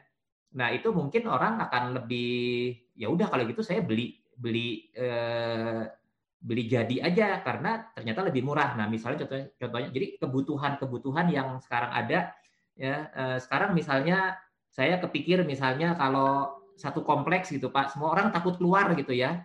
Nah kalau ada satu kompleks ada 100 rumah 100 rumah satu satu orang keluar untuk belanja kan menjadi 100 orang itu berkumpul di luar gitu. Gimana kalau misalnya ada yang menginisiasi ya udah kita uh, mewakilkan ya saya aja nih ya nanti bahkan seorang yang beli jadi bebas bebas biaya gitu ya. Nah, jadi memang harus dipikirkan sih usaha apa yang memang betul-betul relevan dengan kebutuhan masyarakat yang sedang dalam kondisi pandemik itu. Kira-kira begitu Pak Jimmy.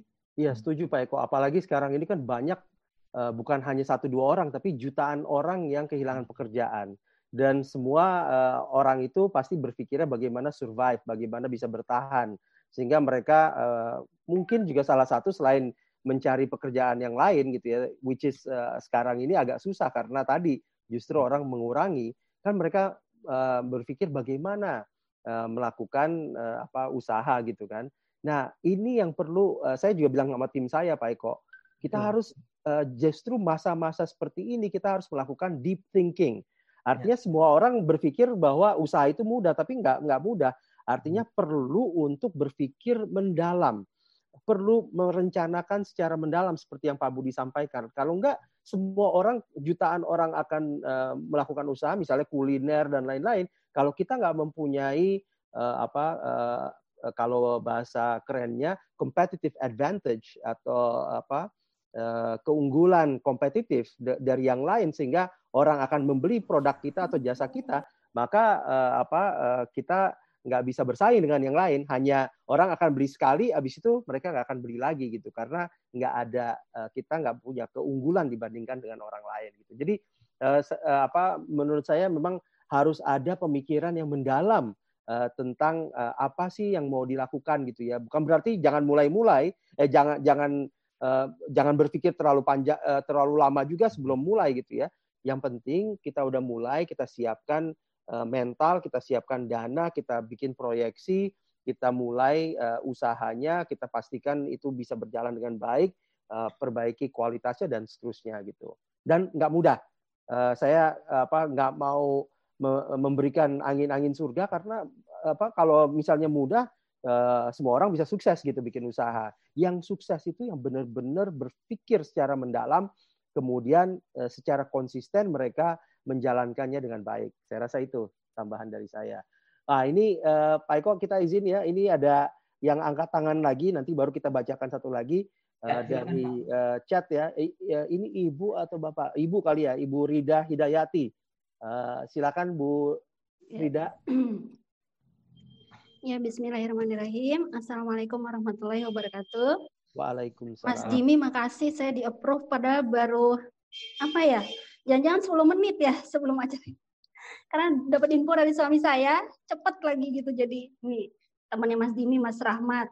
Ah, oke. Okay. Rahmat Gerawan ya, saya istrinya. Ya, teman kuliah saya. Ya, jadi saya tuh sebenarnya pertanyaan saya udah dijawab barusan dijelasin sama Mas Jimmy, butuh penguatan aja gitu ya. Jadi selama 10 tahun ini tuh saya mengelola keuangan komunitas. Jadi hmm. pekerjaannya volunteering sebenarnya ya eh, di sekolah gitu. Jadi sekolahnya ada karena dulu kita bekerja di dalam komunitas. Saya salah seorang di antara. Jadi saya cerita tentang bagaimana orang berguguran di jalan perjuangan itu udah dalam ya. Dan tahun lalu alhamdulillah kita baru punya tuh yang namanya catatan keuangan, baru punya yang namanya apa bahkan bagian keuangannya baru ada. Nah, setahun ini dikelola, saya baru baca, oh cash flow-nya begini dan sebagainya. Kena pandemi, nah ini kan jadi masalah ya. Lalu saya mencoba, tadi seperti Mas Jimmy katakan, tiga bulan di rumah terus, uh, berpikir bagaimana ya caranya, karena kita tidak mungkin berharap dari komunitas yang orang-orangnya juga jadi pada bermasalah semua selama ini mereka volunteer, tentu kontribusi mereka sangat jauh berkurang, tidak bisa kita dorong lagi gitu. Jadi ini pekerjaan-pekerjaan yang selama ini volunteering mau saya dorong jadi bisnis gitu kan ya.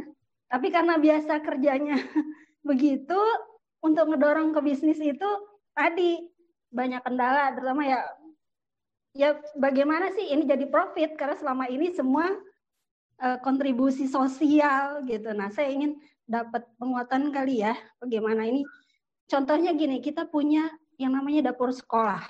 Hmm. Selama ini kan dapur itu mensuplai kebutuhan makan eh, guru, karyawan sekolah dan siswa. Tapi kan itu semua dananya selama ini dari orang tua. Iya. Nah justru selama tiga bulan ini saya termasuk yang tidak nyaman ya menarik misalnya uang uang makan dari orang tua tuh karena saya juga orang tua kan nggak mau kan anak-anak nggak makan kenapa mereka harus bayar sementara yang di dapur saya itu semua selama ini digaji dari itu gitu. Jadi pertanyaannya apa? itu. Nah pertanyaannya mungkin Mas Jimmy bisa kasih view gitu ya. Kalau saya dorong ini ke bisnis, saya lihat ibu-ibu kok open order misalnya makanan di kompleks saya, apa itu bisa gitu. Nah itu pengelolaan keuangannya akan bagaimana lagi? Karena yang kemarin kan baru ketemu polanya, baru mau disehatin, baru stabil aja cash flow-nya, ini mau dipecah lagi, mau dijadiin modal. Nah, gimana kira-kira Mas Jimmy suggestion-nya? Okay.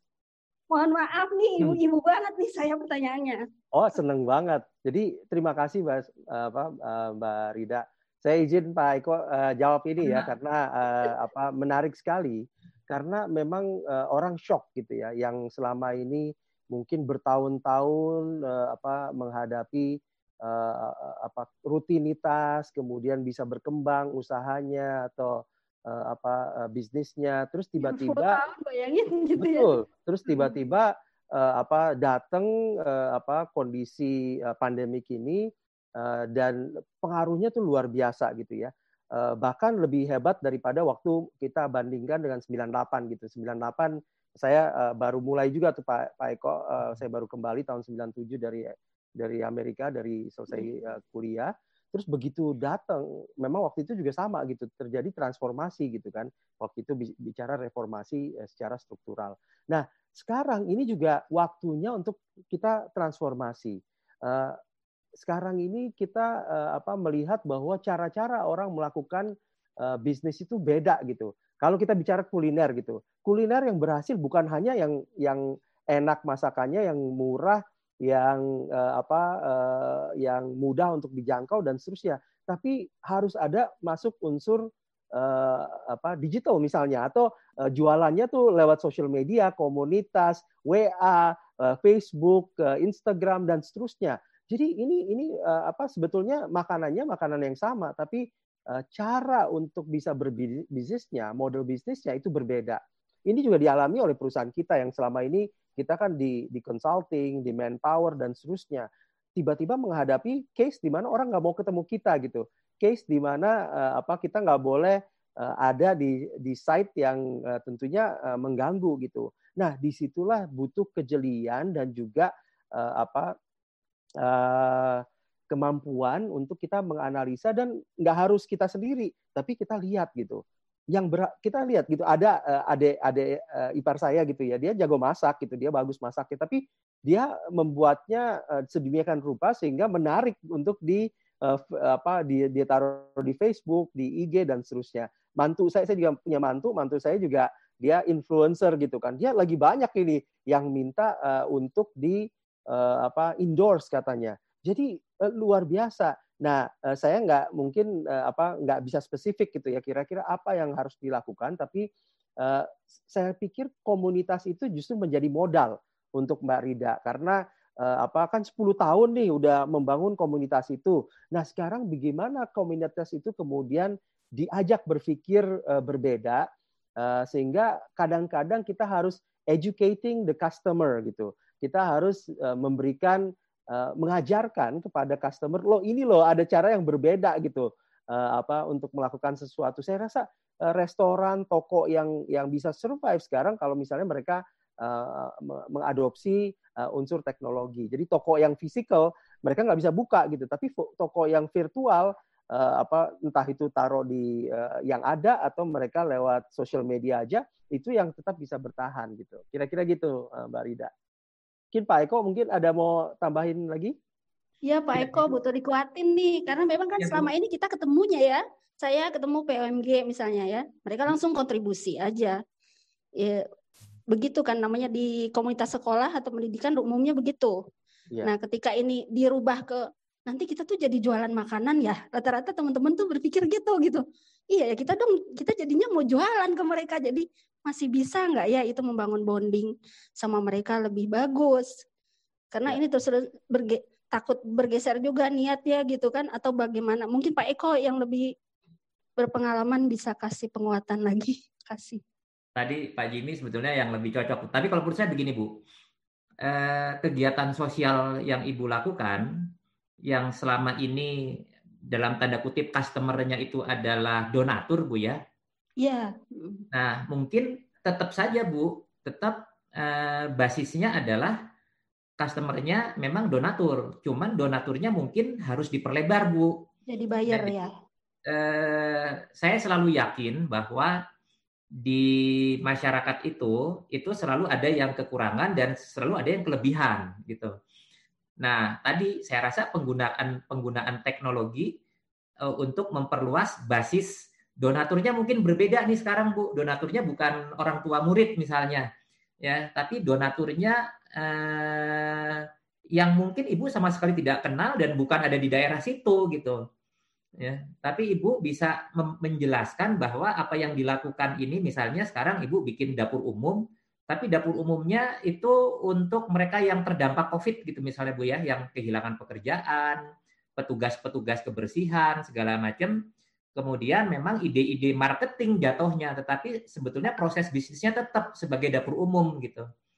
Nah itu mungkin uh, harus ada cerita bu ya, harus ada bikin cerita bahwa apa yang ibu lakukan sekarang uh, dulu dengan sekarang sebetulnya esensinya sama, tetapi mungkin uh, customernya customernya beda gitu bu ya. Saya ingat ada Pak Yusuf Hamka ya Pak Jimmy ya yang bikin warung warung gratis ya, ya. Betul awalnya Bu itu cuma bikin warung gratis, boleh orang ambil gitu. Tapi karena beliau eh, punya kisah, punya cerita diliput oleh media, jadi semua orang ber berbondong-bondong eh, ngasih donasi gitu. Jadi itu mungkin bisa bisa menjadi tidak tidak bisa dikopi langsung gitu Bu ya, tapi ide itu bisa tadi Pak Pak Jimmy yang bilang memang kita harus berpikir lebih dalam dan lebih kreatif, nggak bisa enggak tuh dan ya. memanfaatkan teknologi bu.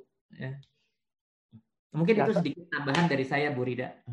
Sedikit lagi Pak Eko, saya ya, kalau boleh saya tambah ya. ya. Mas Jimmy. Jadi jadi uh, apa? Boleh. Ini kan kita kan disuruh uh, physical distancing dan social distancing. Nah, Tapi kalau dibilang social distancing saya nggak setuju karena justru sebetulnya kita memperlu perlu memperkuat social. Ya, Artinya ya, social strengthening. Social strengthening itu kita diajarkan oleh agama. Jadi uh, untuk bersilaturahim. Nah, sekarang ini silaturahim itu justru bisa lebih kuat dengan uh, apa? dengan teknologi, dengan misalnya Zoom gitu kan. Ini hmm. dengan WhatsApp dan seterusnya. Dulu kita kalau mau ketemu itu kita hanya bisa ketemu dengan satu dua orang dalam sehari karena jaraknya tuh uh, jauh. Nah, sekarang justru sehari itu bisa sampai 10 kali gitu kita ya mungkin nggak 10 kali, 5 6 kali ketemu orang eh, dalam konteks yang seperti ini. Nah, perluasan daripada silaturahim itu justru memungkinkan gitu eh, di di saat-saat yang seperti ini. Tapi tadi harus ada deep thinking. Kita lakukan ini misalnya mulai beberapa minggu lalu karena kita mau uh, apa memperluas uh, silaturahim kita dengan ya seperti Bu Rida. Kalau kita nggak bikin kayak gini kan nggak kenal gitu. Saya iya, tahu Pak Rahmat. Saya gitu. tahunya suami saya nggak tahu teman-temannya. Itu dia justru itu. Nah ini saya rasa kalau kita bisa sila, tambah terus silaturahimnya, insya Allah nanti timbul ide-ide baru. Jadi kayak gitu ya, Mas Mbak Rida ya. Makasih ya. Salam ya sama Mas Rahmat ya. Insya Allah ada lagi biasa kerja beliau. Oke, sip sip. Oke, terima kasih. Oke, kita uh, Pak Eko kita berlanjut ini ke pertanyaan beberapa lagi ini masih ada 10 menit. Uh, ya. Ada pertanyaan dari uh, Widayanti, mungkin Ibu nih ya, Ibu Widayanti bagaimana cara menghilangkan keraguan dalam memulai usaha. Misalnya usaha yang kita jalankan yaitu tidak menguntungkan, tidak balik modal gitu. Gimana nih supaya keep on terus gitu? Kayaknya nih Pak Jibi yang mesti jawab. Oke oke, iya ini ini.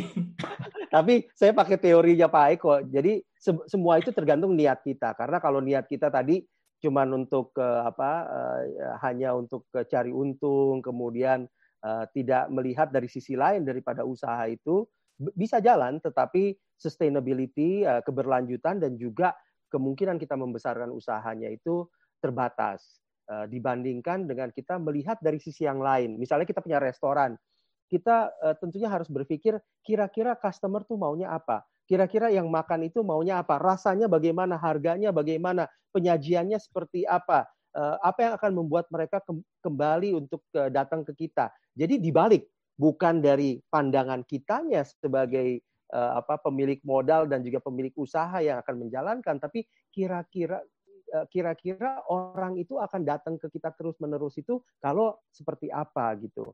Jadi niatnya itu kembali lagi niat itu untuk serve, untuk melayani, bukan untuk uh, apa uh, apa boleh kita berharap untuk uh, bisa kaya gitu kan, berhasil gitu. Tapi kaya dan berhasil itu apa juga sangat tergantung kepada seberapa banyak orang yang akan membeli produk kita, seberapa banyak or yang orang akan memberikan nanti kontribusi terhadap usaha kita agar besar gitu. Jadi untuk itu kita apa kalau misalnya niatnya itu baik, niatnya itu mulia uh, untuk menyelesaikan masalah uh, sosial, kita nggak ragu.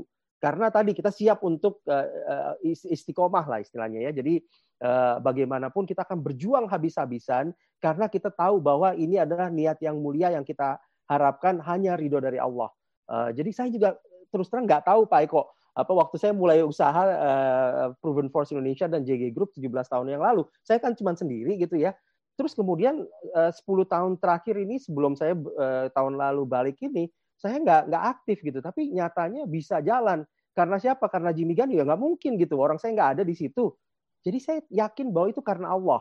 Tetapi juga tergantung dari niat kita. Karena niatnya niat mulia untuk uh, apa uh, kita membantu uh, orang, membantu uh, apa memberikan pekerjaan, membantu perusahaan dan seterusnya, insya Allah uh, apa uh, customer itu akan datang gitu dan bisa berkelanjutan kira-kira gitu. Jadi mulainya itu dengan niat yang baik lah kira-kira gitu. Mungkin Pak Eko ada ada masukan lagi? Ya Pak, setuju. Jadi membangun motivasi. Jadi ini ada ada dua masalah sih Pak. Satu ya masalah psikologis lah ya, masalah kejiwaan, masalah semangat, motivasi itu satu. Yang kedua adalah masalah tadi perencanaan, keuangan, operasional gitu ya. Nah, mungkin saya sarankan eh, kalau mau membangun itu, tapi jangan jangan kelamaan belajar terus ya. Maksudnya kita bisa mencari di YouTube gitu ya, di YouTube, di buku-buku. Saya saya salah satu buku yang saya senangi selain tadi bukunya Pak Jimmy itu ada bukunya Mas Ipo ya. Mas Ipo tuh membangun semangat luar biasa menurut saya tuh. Nah, tapi jangan sampai belajar terus nggak action-action gitu. Nah, yang kedua, saya pikir tadi eh, saya juga sama, saya juga baru membangun sama sama Pak eh, Jimmy ya, ada startup Orbitin, kita bikin Halovina. Ya niatnya itu adalah memang ingin membantu mensejahterakan masyarakat Indonesia dengan meningkatkan kecerdasan finansial gitu. Nah, eh, saya selama tiga tahun itu mengalami jatuh bangun yang wah ini udah kehabisan aja nih ya. Tapi kalau kita ikhtiarkan, kita cari itu ada aja nanti uh, investor yang menolong ya. Jadi saya pikir keberanian itu harus dipupuk dengan uh, meyakinkan bahwa apa yang kita lakukan itu adalah sesuatu yang memberikan manfaat buat orang lain. Ya, jadi eh, pertimbangan finansial memang harus dilakukan dari sisi dari sisi perencanaan dan kesiapan juga secara finansial. Jadi memang istilahnya ikhtiarnya itu lahir batin ya Pak Jimmy ya. Betul. Uh, uh, batinnya itu harus dikuatkan, tetapi lahirnya juga saya percaya begini, uh, hasil itu bukan urusan kita Pak Jimmy. Kalau saya ya, Setuju. hasil itu bukan urusan kita. Urusan kita itu adalah ikhtiar. Iya. Setuju. Jadi kalau ikhtiarnya sudah maksimum, hasilnya tidak tercapai, nggak apa-apa ya bahwa kita ada rugi secara finansial, maka itu harus dihitung resiko-resikonya gitu. Ya, tapi eh, yang penting adalah niatkan untuk kebaikan orang lain, manfaat orang lain. Kemudian udah Bu beranikan jalan aja, insya Allah ditolong ditolong sama Tuhan gitu. Wah luar biasa. Saya rasa ini apa eh, termotivasi juga saya pagi ini gitu Pak Eko. Oke. Okay. Jadi ada ada ada satu yang ingin sharing. Uh, Pak Jimmy kan kenal Bu Nur Hayati Subakat ya, yang punya oh, iya, iya. Betul ya. Nah, ya. kalau di marketing orang biasanya mengenal 4 P ya, produk, price, promotion sama place tempat di mana kita jualan. Ya. Ya, Bu Bu Nur Hayati selalu cerita ada satu P yang lain Pak. Jadi 5 P. Percaya apa yang P 5 pertolongan Tuhan, pertolongan Allah. Jadi udah lengkapi aja itu dengan 5. Oke, sip sip. Ya. Terima kasih Pak Eko. Oke, ini uh, bertanya ya. ini. Ini oke, okay, siapa ini? Ini Asep Anang, oh, Pak, dari, dari Tasik. Oke, yang terakhir nih, silakan Pak Asep. Ya, terima kasih Pak Jimmy, Pak Eko. ini kaitan dengan pengalaman yang pernah saya lakukan. Dan ini kejadiannya saya bangkrut pak usahanya nih. Ini gara-gara bukan gara-gara ya, mungkin ini ketadaran saya sendiri. Jadi dana ini habis dengan banyak yang ngutang pak. Hmm. Itu saya juga bingung menyikapi hal ini. Kalau nggak dikasih itu tetangga, nggak dikasih ini bagaimana kan gitu pak. Pak pinjam dulu, nanti dibayar Pak pinjam dulu nanti bayar kenyataannya kan uang di luaran tuh banyak Pak. Betul. Jadi saya juga bingung kalau ketemu dengan orangnya malah jadi jadi marah dia marah gitu, bukan malu. Ya, ini solusinya bagaimana Pak? Sampai sekarang itu banyak teman-teman yang memang kendalanya kaitan dengan yang uh, pinjam atau yang utang. Mungkin ada tetangga yang yang usaha-usaha yang lain yang memang tidak ada istilah nganjuk gitu kan. Ada yang demikian juga, tapi ini karena kedekatan dan kenalan itu yang menjadi sulit Pak. Ini solusinya harus bagaimana mungkin Pak Eko atau mungkin Pak Jimmy dari pengalaman yang sudah dilakukan. Terima kasih Pak, Eko. Ya. Terima kasih Pak Asep. Wah ini uh, saya dulu oke. Okay.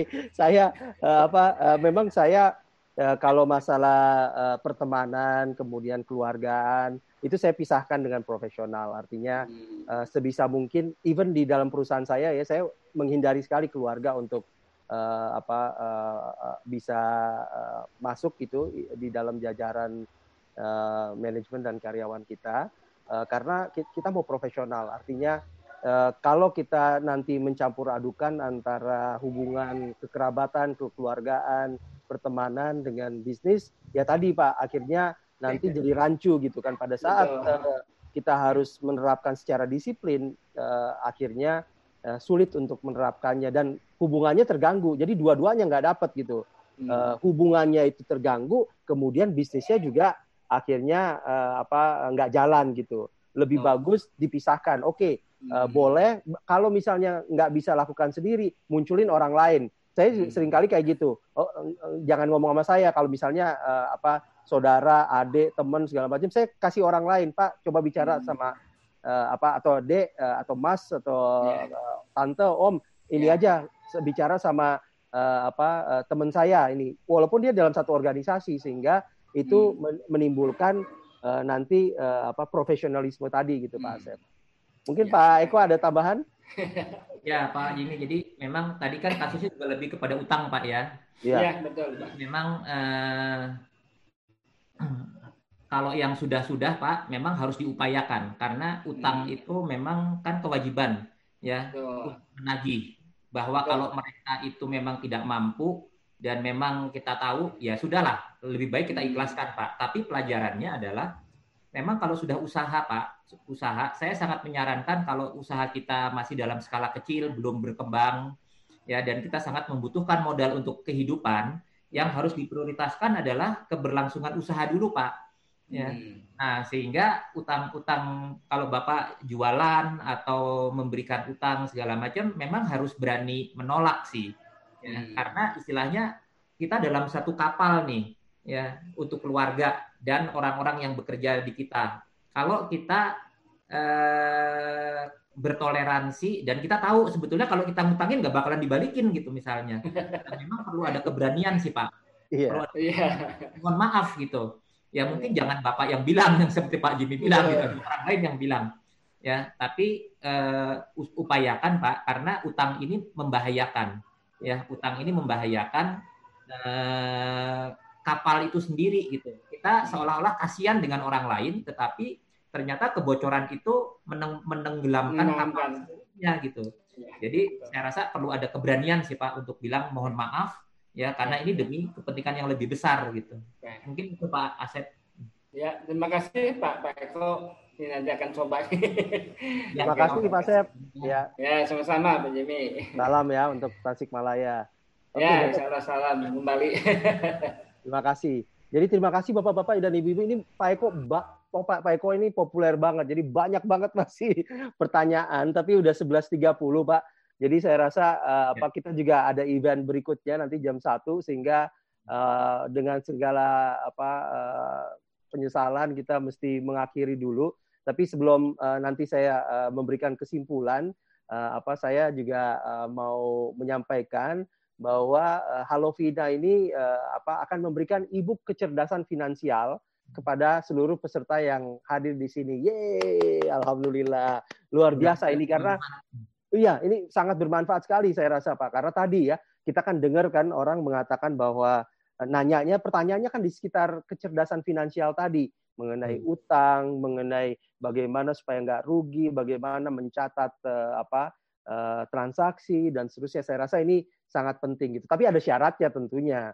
Syaratnya mengisi lembar feedback mengenai acara ini yang tercantum dalam kolom uh, komentar atau nanti bisa ditanyakan uh, ke admin Orbitin ID uh, di nomor 0813 8637 2009. Nanti lihat aja di chat ya. Uh, uh, silakan lihat di chat itu. Sekali lagi kalau mau dicatat 0813 8637 2009. Kami juga uh, memberikan apa buku fisik dan juga nanti akan dikirim langsung kepada tiga penanya terbaik buku Rise to the Challenge yang dibuat oleh Mas Memo sama uh, Dr. Ervin Priambodo. Insya Allah ini uh, apa bermanfaat. Setiap minggu kita bagikan buku-buku ini secara gratis untuk tiga yang terpilih nanti akan diumumkan lewat IG kita. Nanti uh, nantikan saja di uh, Instagram dari Orbitin ID. Kalau belum follow silakan follow. Nanti uh, akan diumumkan di sana tiga pemenang uh, dengan pertanyaan terbaik. Nah, izinkan saya apa uh, menyimpulkan beberapa hal. Tadi saya rasa uh, apa apa yang Pak Eko sampaikan mengenai kecerdasan finansial usaha khususnya Eh, tujuh tips itu sangat-sangat luar biasa. Yang pertama, miliki niat, tujuan, dan target yang baik. Jadi dengan niat itu, dengan tujuan dan target yang baik itu, tentunya kita harus juga merencanakan karena niat saja tidak cukup, perlu dengan ilmu untuk melihat seberapa jauh kita kira-kira bisa uh, apa mencapai uh, target kita.